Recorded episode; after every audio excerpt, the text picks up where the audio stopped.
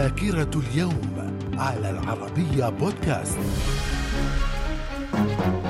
أهلا بكم مستمعينا الكرام ومن ذاكرة السابع عشر من أكتوبر في العام 1918 قيام جمهورية يوغوسلافيا رسميا بالبلقان. في العام 1961 الشرطة الفرنسية تقتل حوالي 300 مغترب جزائري وذلك بإلقائهم في نهر السين في باريس وذلك عقب مظاهرات شاركوا بها تحديا لقانون حظر التجول الذي يمنع الجزائريين من الخروج. من الذاكرة. في العام 1900 1979 الإعلان عن فوز الأم تيريزا بجائزة نوبل للسلام وذلك نظرا لجهودها الإنسانية في مساعدة فقراء الهند والعالم. من الذاكرة. وفي العام 1980 إليزابيث الثانية ملكة المملكة المتحدة تقوم بزيارة تاريخية للفاتيكان حيث أصبحت أول ملكة تزور الحبر الأعظم. من الذاكرة. وفي العام 1999 مجلس الوزراء الكويتي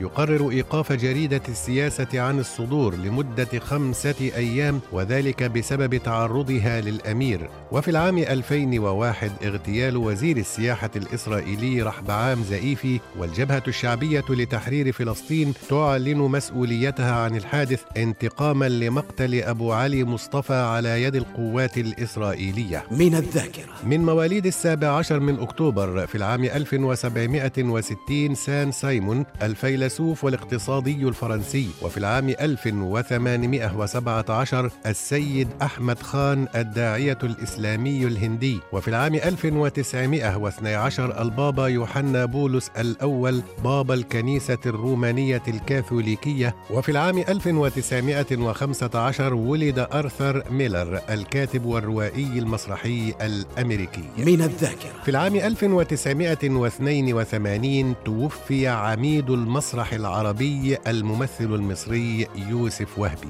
وفي العام 1985 توفي عبد المنعم الرفاعي رئيس وزراء الأردن الأسبق. من الذاكرة. وفي السابع عشر من أكتوبر من كل عام يحتفل باليوم العالمي للقضاء على الفقر. من الذاكرة. إلى اللقاء.